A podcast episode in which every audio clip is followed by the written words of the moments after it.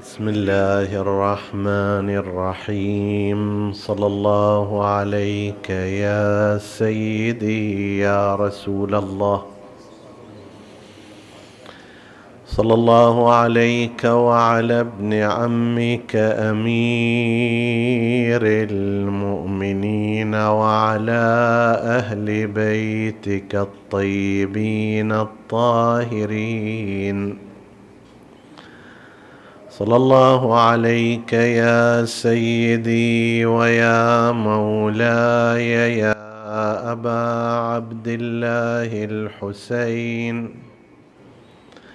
ما خاب من تمسك بكم وامنا من لجأ إليكم.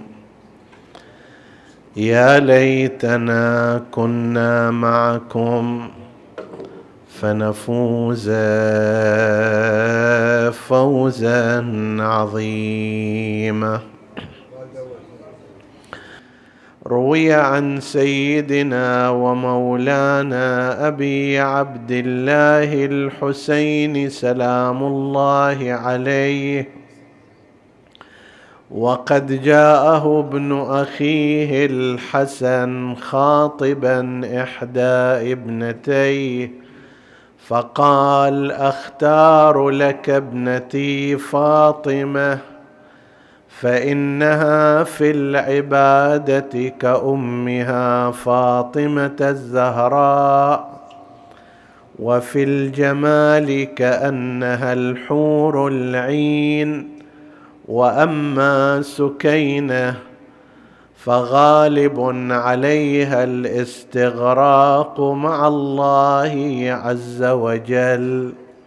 صدق سيدنا ومولانا أبو عبد الله الحسين صلوات الله وسلامه عليه.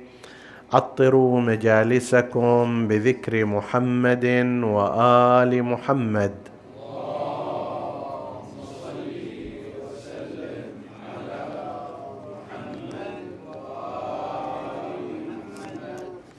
اللهم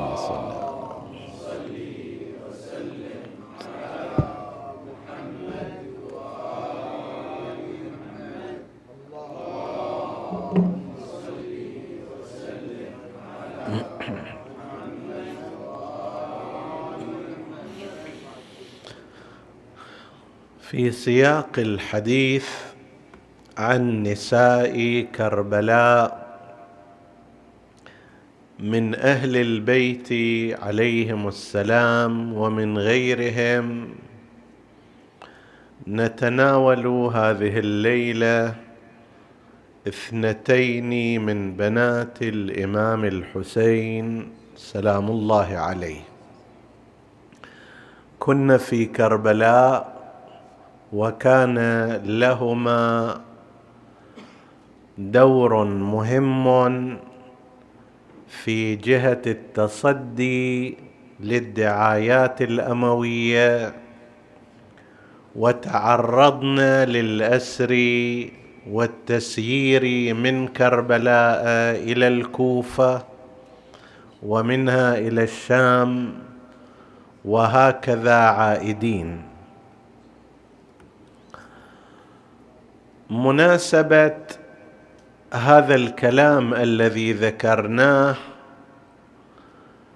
أن الحسن المثنى ابن الإمام الحسن السبط يلقب بالمثنى لتمييزه عن ابنه ولتمييزه عن أبيه. فيقال الحسن السبط وابنه الحسن بن الحسن يعني المثنى وحفيده الحسن بن الحسن ابن الحسن ويقال له المثلث فهكذا يعرف الحسن المثنى بعد ما يحتاج يكرر أو الحسن المثلث ما يحتاج بعد يكرر ثلاث مرات الاسم هذا جاء إلى الإمام الحسين عليه السلام يخطب منه إحدى ابنتيه. فالإمام الحسين عليه السلام بما أنه مستشار والمستشار مؤتمن ينبغي أن يختار ما يناسب ذلك الطرف. ولذلك حتى في قضية مستثنيات الغيبة. الغيبة كما هو معروف محرمة وهو أن يذكر الشخص بشيء غير حسن من خلفه من وراء ظهره. شخص مثلا حاد المزاج أنت تقول هذا حاد المزاج. سريع الغضب تقول هذا سريع الغضب. بخيل مثلا تقول إنه بخيل. هذه في الحالة العادية عندما يكون هذا الأمر صادقا موجودا فيه هذه غيبة. إذا ما كان موجود فيه هذه الخصلة يصير فرية وبهتان. ذكر الشخص بشيء غير حسن مما هو فيه يعتبر غيبة وهي محرمة استثني منها موارد من الموارد موارد الاستشارة. شخص يجي يقول لك أنه فلان من الناس متقدم إلى بنتي وانت تعرف مثلا أن هذا الشخص بخيل يده مقبوضة أو شخص غير متدين أو شخص عنده خصال غير حسنة تقدر تتنصل من الموضوع وتقول اعفيني من هالسالفة. بس إذا أردت أن تجيب أجب بأمانة. زين راح أقول له هذا مو متدين هذا تصير غيبة. أقول له هذا سريع الانفعال تصير غيبة. حرام؟ لا. هنا في هذه الموارد موارد الاستشارة. لا يحرم ذكر هذه الصفات. تقدر من الأصل تستقيل وما تجاوب بس إذا ذكرت فاذكر ذلك بأمانة. ولا محذور في هذه الجهة. لأنها من موارد الاستشارة. طبعا هنا لم يذكر الإمام الحسين عليه السلام شيئا سيئا وإنما رجح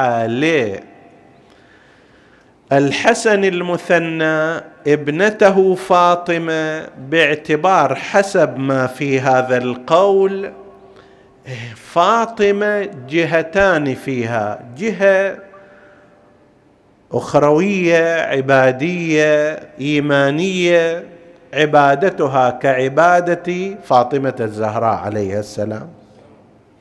وأكو فيها جهة دنيوية وهي أنها جميلة تشبه الحور العين وبالتالي مما يزيد في رغبة الزوج في هذه المرأة كونها في هذا المستوى من الجمال فعدها هذا الجانب الجمالي الذي يرتبط بالأمر الدنيوي وهو الاستمتاع والاستلذاذ وفيها الجانب الآخر الجانب الأخروي والعبادي والروحاني. وأما سكينة حسب هذا النقل فغالب عليها الاستغراق مع الله عز وجل. أكو في بعض النقول فلا تصلح لرجل. يعني ليس إذا صح هذا الذيل لأنه بعضهم لا يثبته أو يحمله على أنه ليس فيها هذا التوجه الدنيوي الذي هو موجود عند فاطمة أختها. هذا يفتح لنا الباب لكي نتحدث حول هاتين الشخصيتين. فاطمة بنت الحسين المعروف بين المؤرخين أنها من زوجته أم إسحاق بنت طلحة التيمية. تحدثنا في ليال مضت عن هذه المرأة الصالحة. من زوجات الحسين عليه السلام أم فاطمة بنت الحسين هي أم إسحاق. طيب يفترض أن عمر فاطمة بنت الحسين التي أمها أم إسحاق لا يزيد عن عشر سنوات. ليش؟ لأن زواج الإمام الحسن لأن زواج الإمام الحسين عليه السلام بأم إسحاق التي كانت زوجة للإمام الحسن لازم يصير بعد شهادة الإمام الحسن. صحيح ولا لا؟ الامام الحسن استشهد في شهر صفر سنة خمسين للهجرة. فلازم هذه المرأة تقضي عدة الوفاة أربعة أشهر وعشرة أيام من الإمام الحسن عليه السلام ومن شهادته حتى تكون مؤهلة للزواج واللي حسب وصية الإمام الحسن أوصى بأن لا تخرج من بيوت بني هاشم. فإذا سنة خمسين في منتصف السنة تقريبا أضف على شهر صفر أربعة أشهر وعشرة أيام يصير ذاك الوقت أقرب فرصة تزوجت من الإمام الحسين.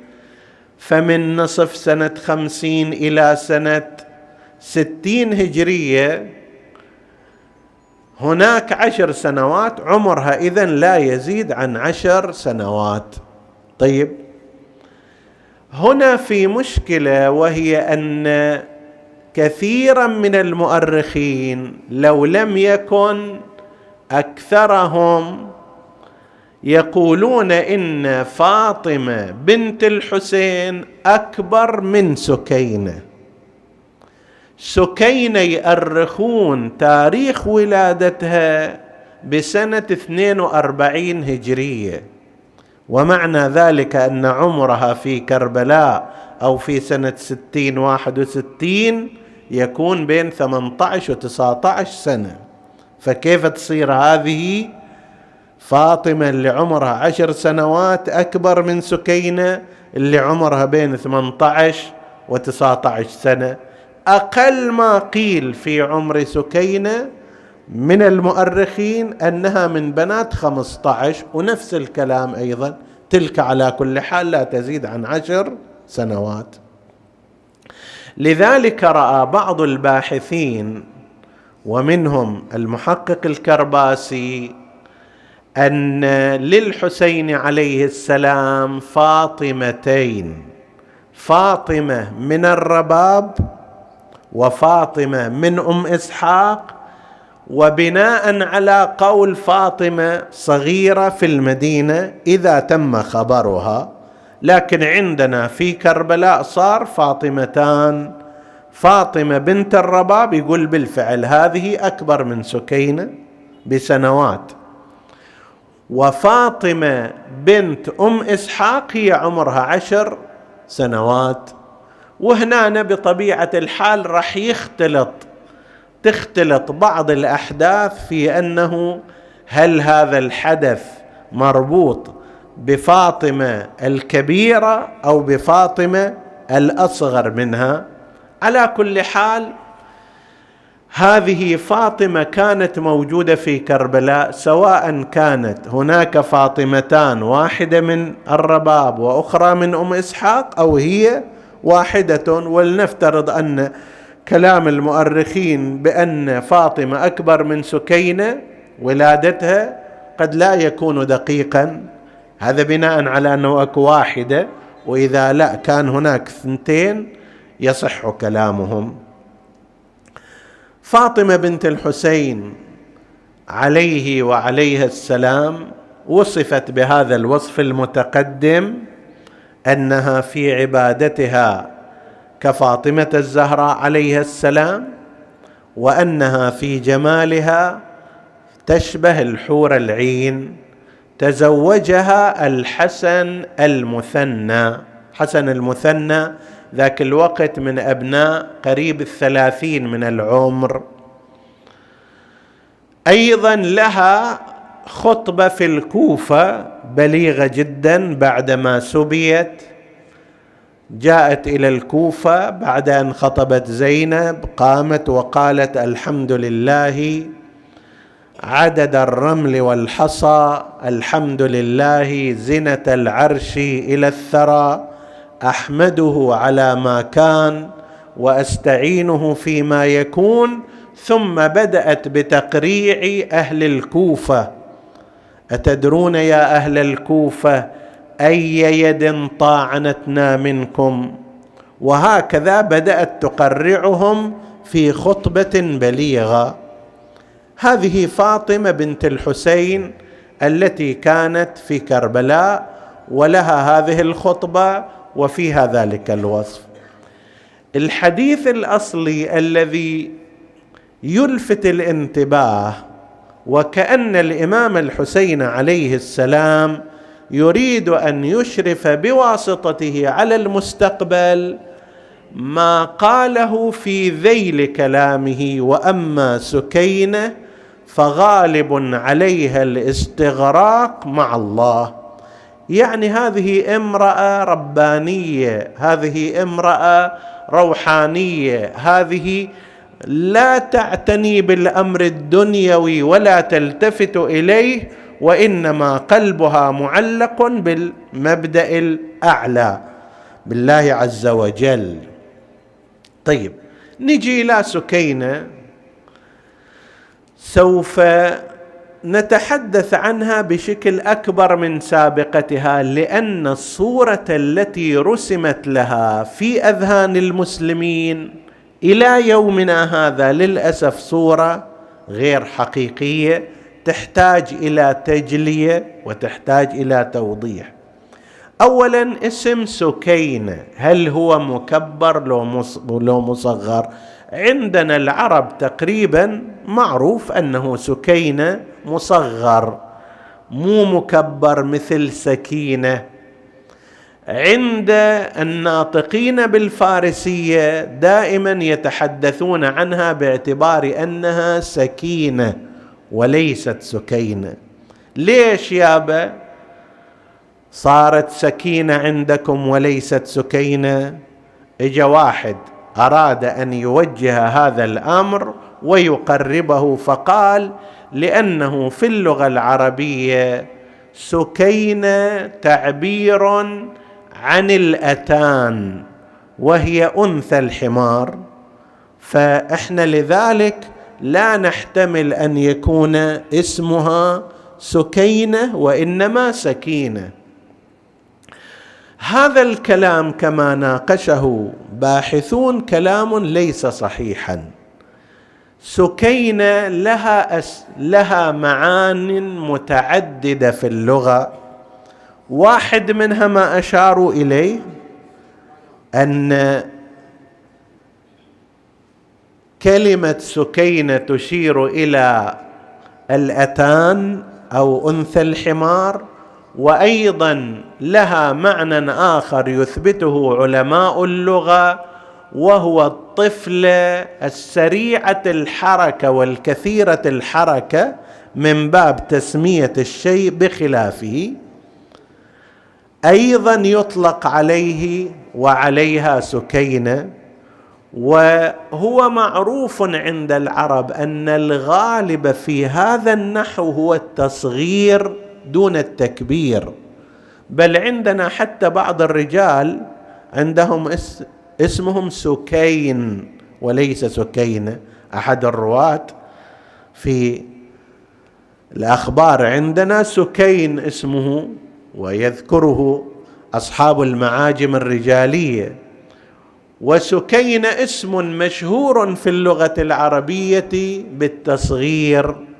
ولذلك الاعتراض الذي قد يأتي أحيانا من قبل بعض الناس على استعمال هذا الاسم مصغرا اعتراض في غير محله وهو لا يستند إلى تحقيق كبير وإنما هو تقريبا جاي من ما ذهب إليه بعض الباحثين.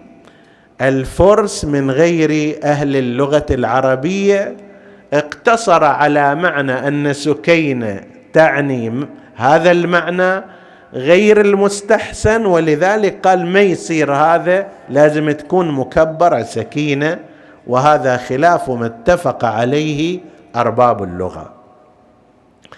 لما نجي إلى حياتها كما ذكرنا هي من مواليد سنة 42 هجرية وأمها الرباب بنت امرئ القيس وفيها كما ذكرنا في وقت مضى الشعر المنسوب للإمام الحسين عليه السلام لعمرك إنني لأحب دارا تحل بها سكينة والرباب عمرها عندما كانت في كربلاء حوالي 18 إلى 19 سنة وبعض الباحثين قال هي أصغر من ذلك بحوالي أربع سنوات يعني بحدود 15 سنة أو تقريبا هكذا. لما جاءت إلى كربلاء هي كانت معقودة على قول ومتزوجة على قول آخر بابن عمها الحسن المجتبى. عنده ولد اسمه عبد الله الأكبر ابن الإمام الحسن عليه السلام. وهذا يذكر المؤرخون وكتاب السيرة أنه كان أبا عذرها. أبا عذرها هذا اصطلاح في اللغة العربية على يطلق على أول زوج يدخل بامرأة باكر. المرأة البكر عندما يدخل بها زوجها أول زوج وتكون بعد ذلك الدخول ثيبا يقال فلان أبو عذرها كأنما لي أخذ عذريتها أخذ بكارتها فيقال أبو عذرها. وقد ذهب مثلا أن المرأة لا تنسى أبا عذرها ولا قاتل بكرها. ما تنسى هذا؟ فإذا كان هكذا يعني عمرها أولا بين وتسعة عشر سنة وثانيا هي عندما جاءت إلى كربلاء كانت في حبالة زوج هو عبد الله الأكبر ابن الحسن أمه أم ولد. يعني ليست منكوحة للإمام الحسن بعقد النكاح وإنما بملك اليمين. هذا المصطلح لعله مر عليكم والحاضرون يعرفونه بلا ريب لكن نذكر به. تقول مثلا فلان أمه أم ولد أو أن الإمام الفلاني عنده عشر من أمهات الأولاد. هذا الاصطلاح في الفقه يعني أن ينكح الرجل امرأة بملك اليمين. يشتري جارية يدخل بها إذا حملت وولدت منه ثم مات عنها تنعتق. تصير حرة من نصيب ابنها في الميراث.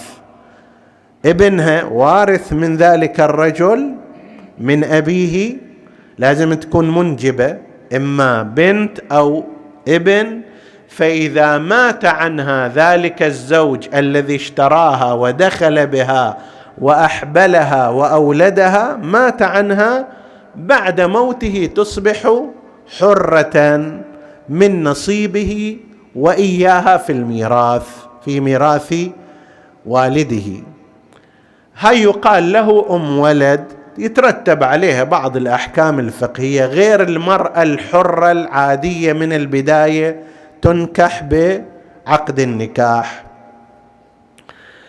عبد الله بن الحسن الأكبر لأن عبد الله عند الحسن من الأولاد مكرر. الأكبر منهم كان هو الذي بحدود الثلاثين سنة من العمر عبد الله هو الذي كان كانت سكينة في حبالته وكانت عندما قدمت إلى كربلاء متزوجة على خلاف بينهم إما دخل بها أو لم يدخل بها واستشهد عنها في كربلاء. واحد من شهداء كربلاء من أبناء الحسن المجتبى هو زوج سكينة الذي كانت في حبالته صلوات الله عليهما.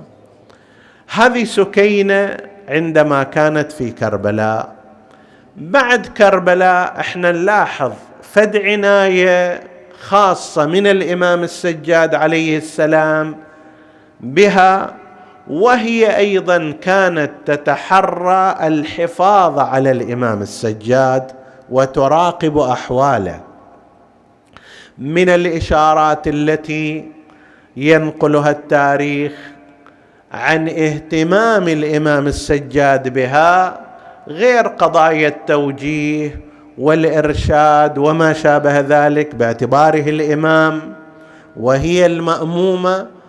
أضف إلى ذلك لما باع الإمام السجاد عليه السلام عينا له في واد في أطراف المدينة ذي خشب اسمه عند هناك عين جارية كثيرة المياه باعها على أحدهم بمبلغ من المال واشترط عليه أن يكون سقيها ليلة السبت لشيء كانت تملكه سكينة في ذلك الوادي. نخل كانت تملكه اشترط الإمام السجاد عليه السلام على ذلك المشتري أنه يجعل سقي ليلة السبت لمزرعة أو بستان أو مكان يرتبط بالسيدة سكينة. طبعا هذا من الناحية الشرعية لا مانع منه أن تبيع شيئا وأن تشترط في هذا البيع شرطا من الشروط. أنا ابيعك هذه العين من المياه كلها إليك بس بشرط مثلا ساعة في اليوم تسقي فلان مكان. إذا أنت قبلت على البيع والشرط خلاص يكون لازما في حقك. يصير الثمن مقسط على أصل البيعة وعلى الشرط. فهذا فد التفات من الإمام السجاد عليه السلام إلى أخته وإلى بعض ما تملك حتى لا تحتاج إلى غيره من الناس.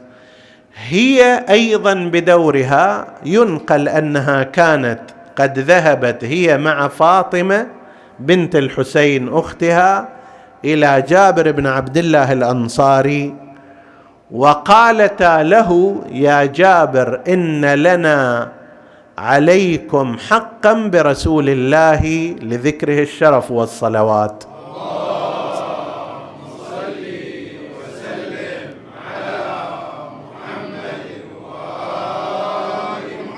قال وما ذاك؟ قال قالتا له هذا علي بن الحسين بقية آبائه الطاهرين يكاد يتلف نفسه هما وكمدا على أبيه الحسين. دائم البكاء على الحسين ونحن نخاف أن يهلك غما وهما وكمدا. فأنت إلك شخصية عند رسول الله والإمام السجاد يوقر أصحاب رسول الله. اذهب إليه وانصحه أن يبقي على نفسه يخفف هذا البكاء هذا الحزن. الأمة تحتاج إلى أهل بيته بحاجة إليه فإنا نخشى عليه من الهلاك. وبالفعل جابر ابن عبد الله الأنصاري ذهب إلى الإمام السجاد وتحدث معه. هذه إحنا نقدمها كمقدمات. لماذا؟ لأنه سوف نعتمد عليها فيما بعد. من جملة ما ينقل في أحوالها أنها كانت مع جواريها يتصدين لمن كان يشتم أمير المؤمنين عليه السلام في المسجد. بيوت أهل البيت عليهم السلام كانت مجاورة لمسجد رسول الله صلى الله عليه وآله وهذا يستفاد من قرائن كثيرة ملاصقة أولها قضية فتح باب علي على المسجد لو لم يكن ملاصق له لما كان من معنى لفتح الباب. طيب.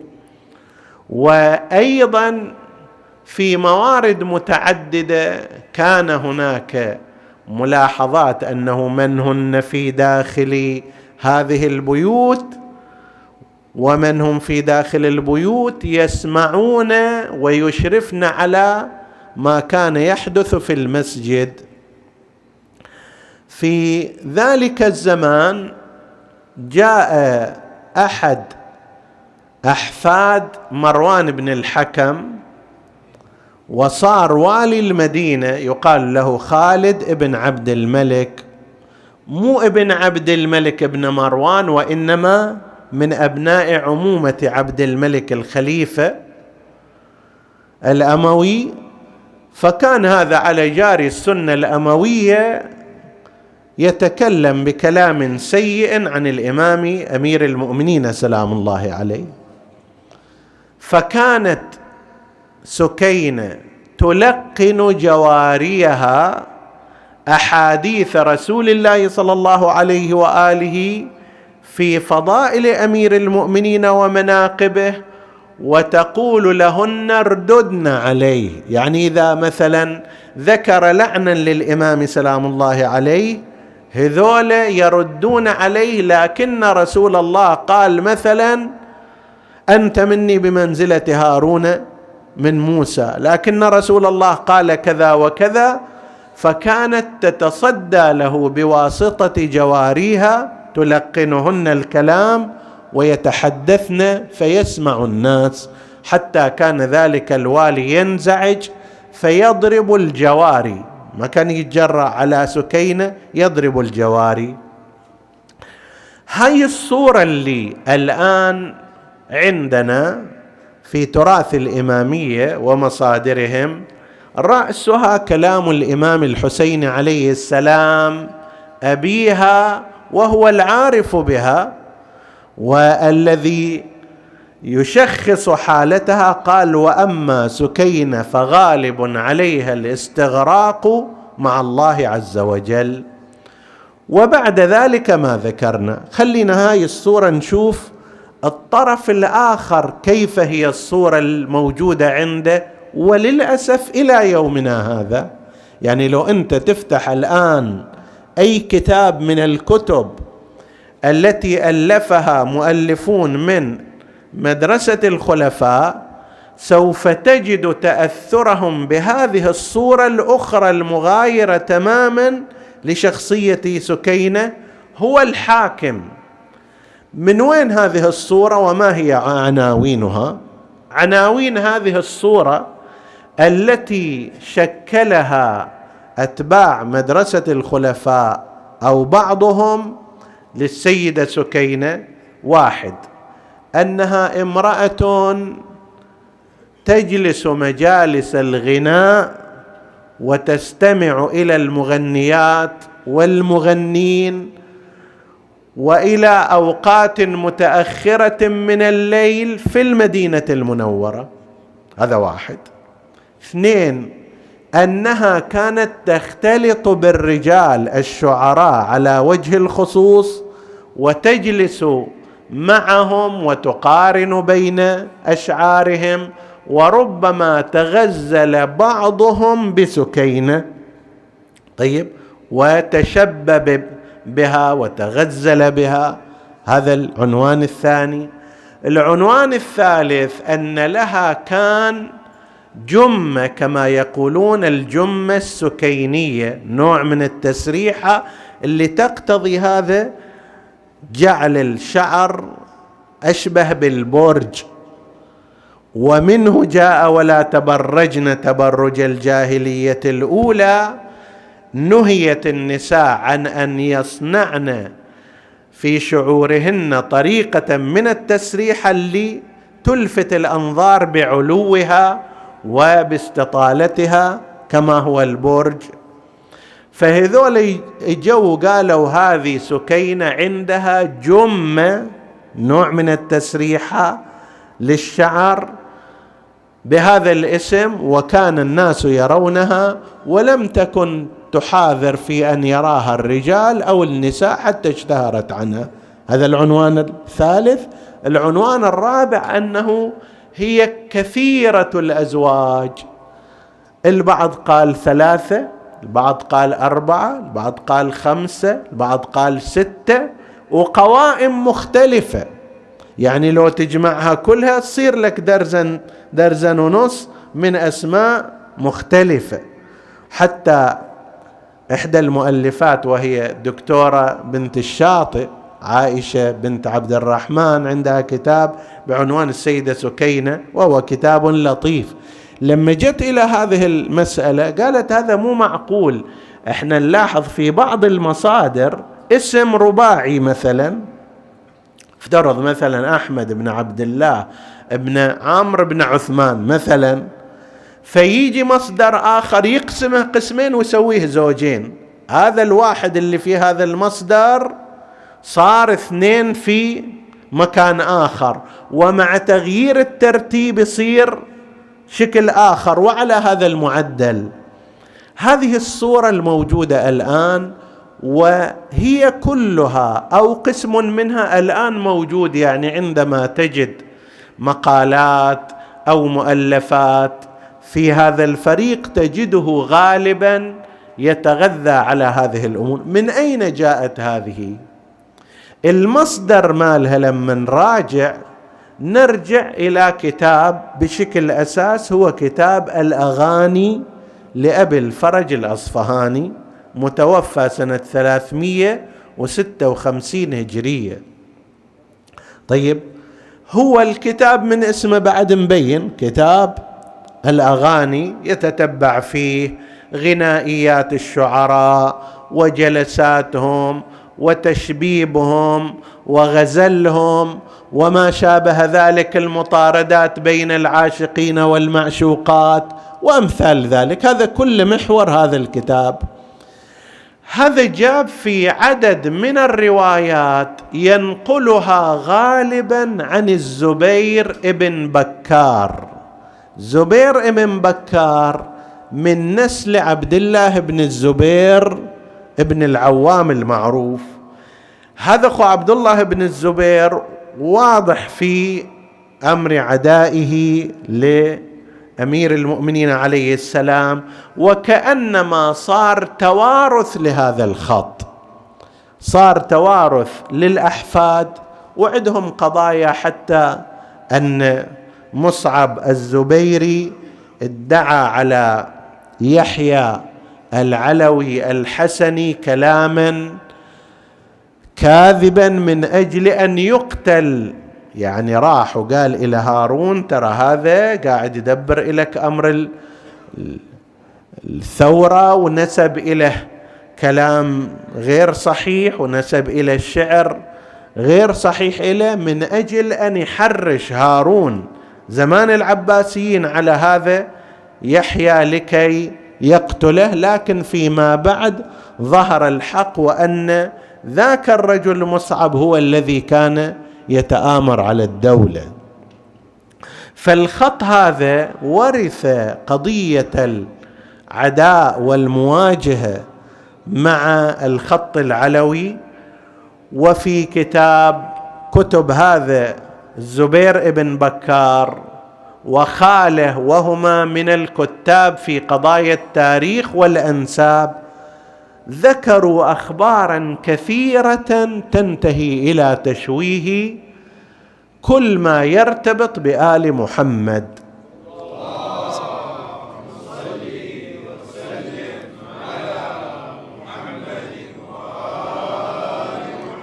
المصدر الأساس اللي ذكرت فيه قضايا سكينة هو في هذا الكتاب والرواة عنه حسب ما تتبعهم غير واحد من المؤلفين ومنهم المرحوم سيد عبد الرزاق المقرم وأمثاله. الرواة لهذه الكلمات ولهذه التواريخ لا يتمتعون بميزة التحرز عن الكذب ولا يمتلكون صفة الوثاقة. أضف إلى ذلك أنت تعرض الأخبار على واقع الحال. الآن امرأة حسب هذه الصورة اللي هم يصوروها امرأة وراء الأمور الغنائية وين عاد في المدينة؟ وعلى أي كيفية مع الرجال؟ زين وين عنها طول هالمدة الإمام السجاد؟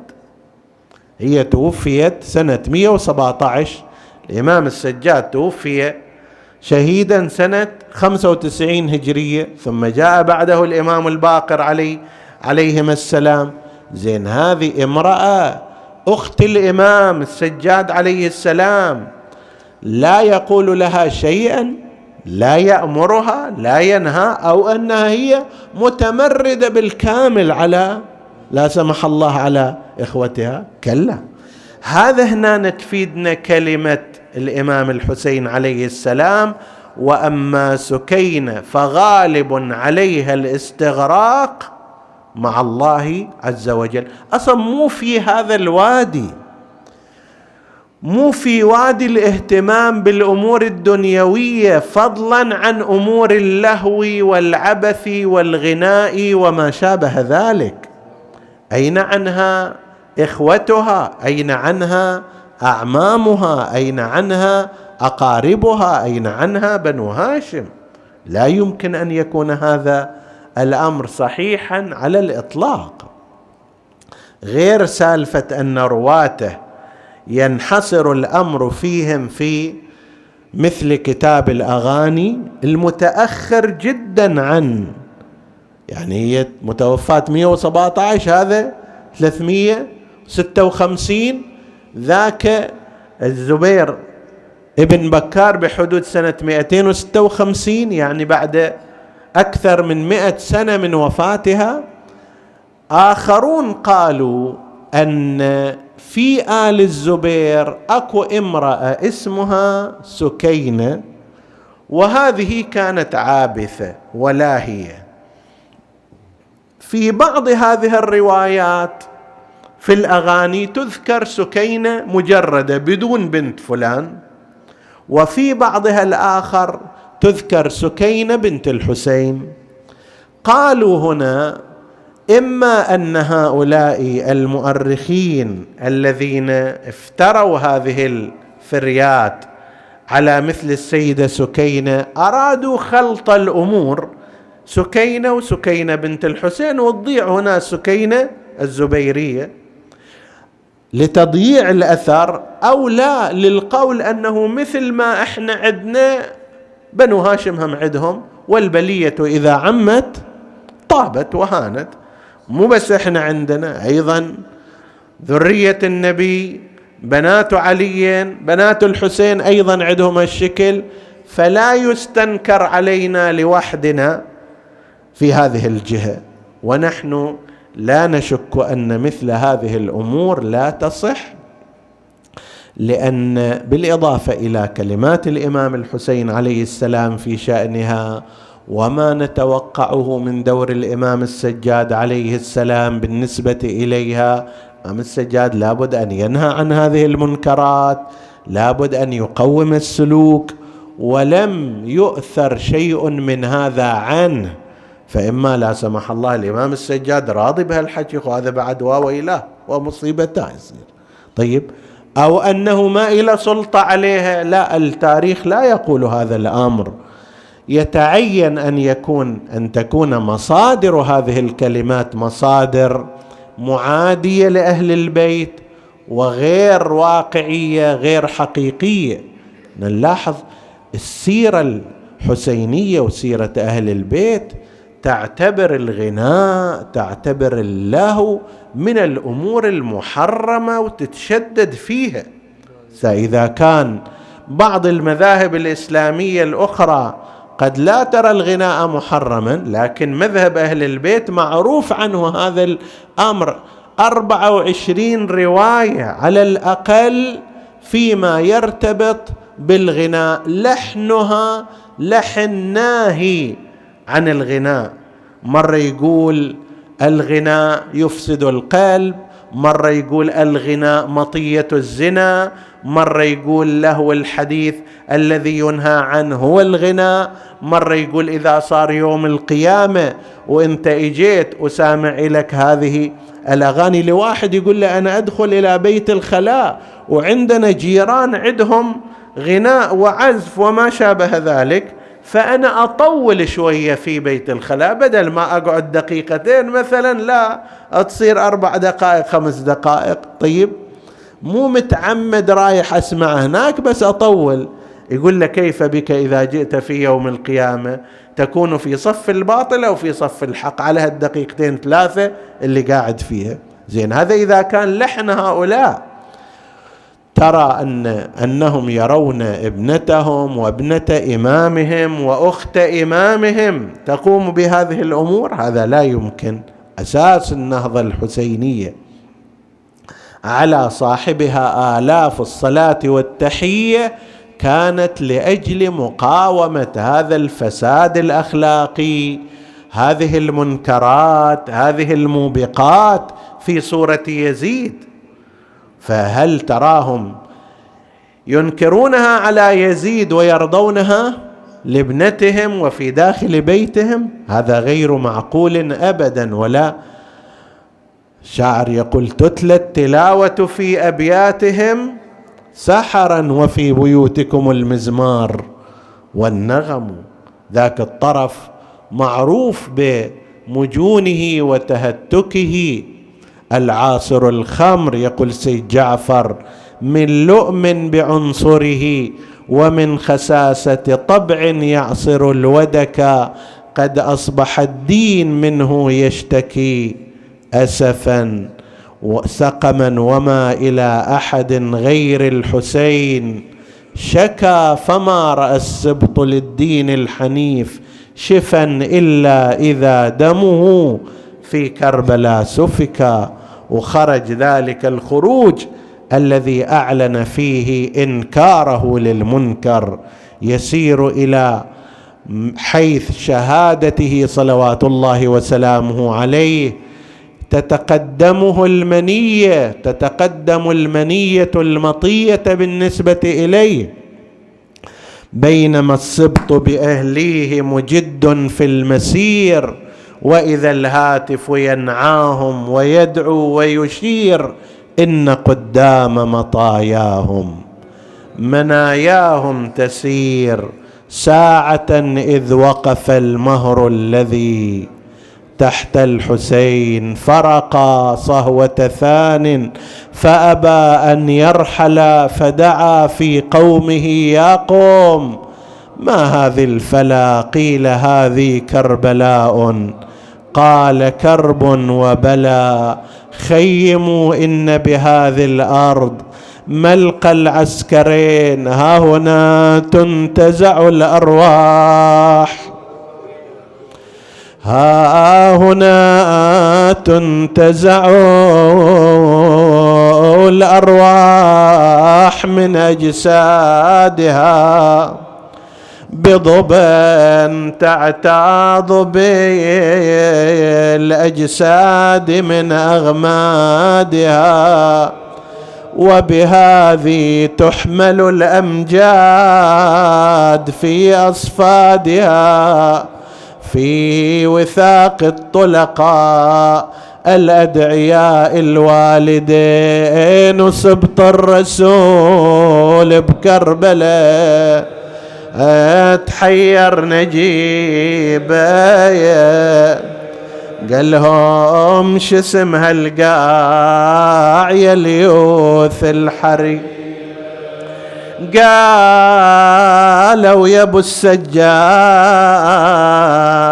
اسمها الغاضريه ولها اسم عند الخلايق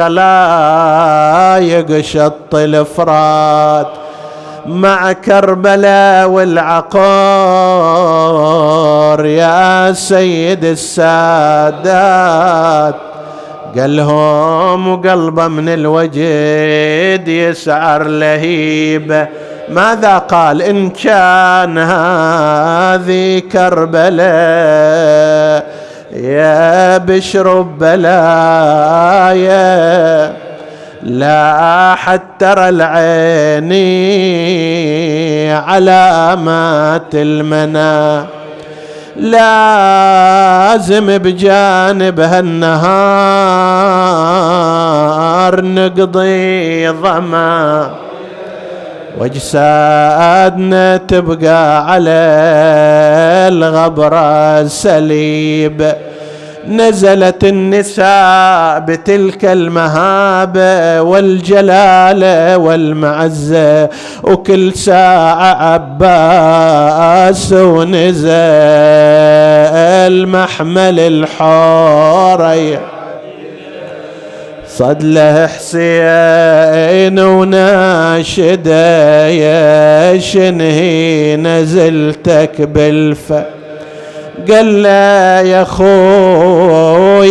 نزلتي تدري أخيت. ما تعرف الذل والهضم فطمت على العز والعلا.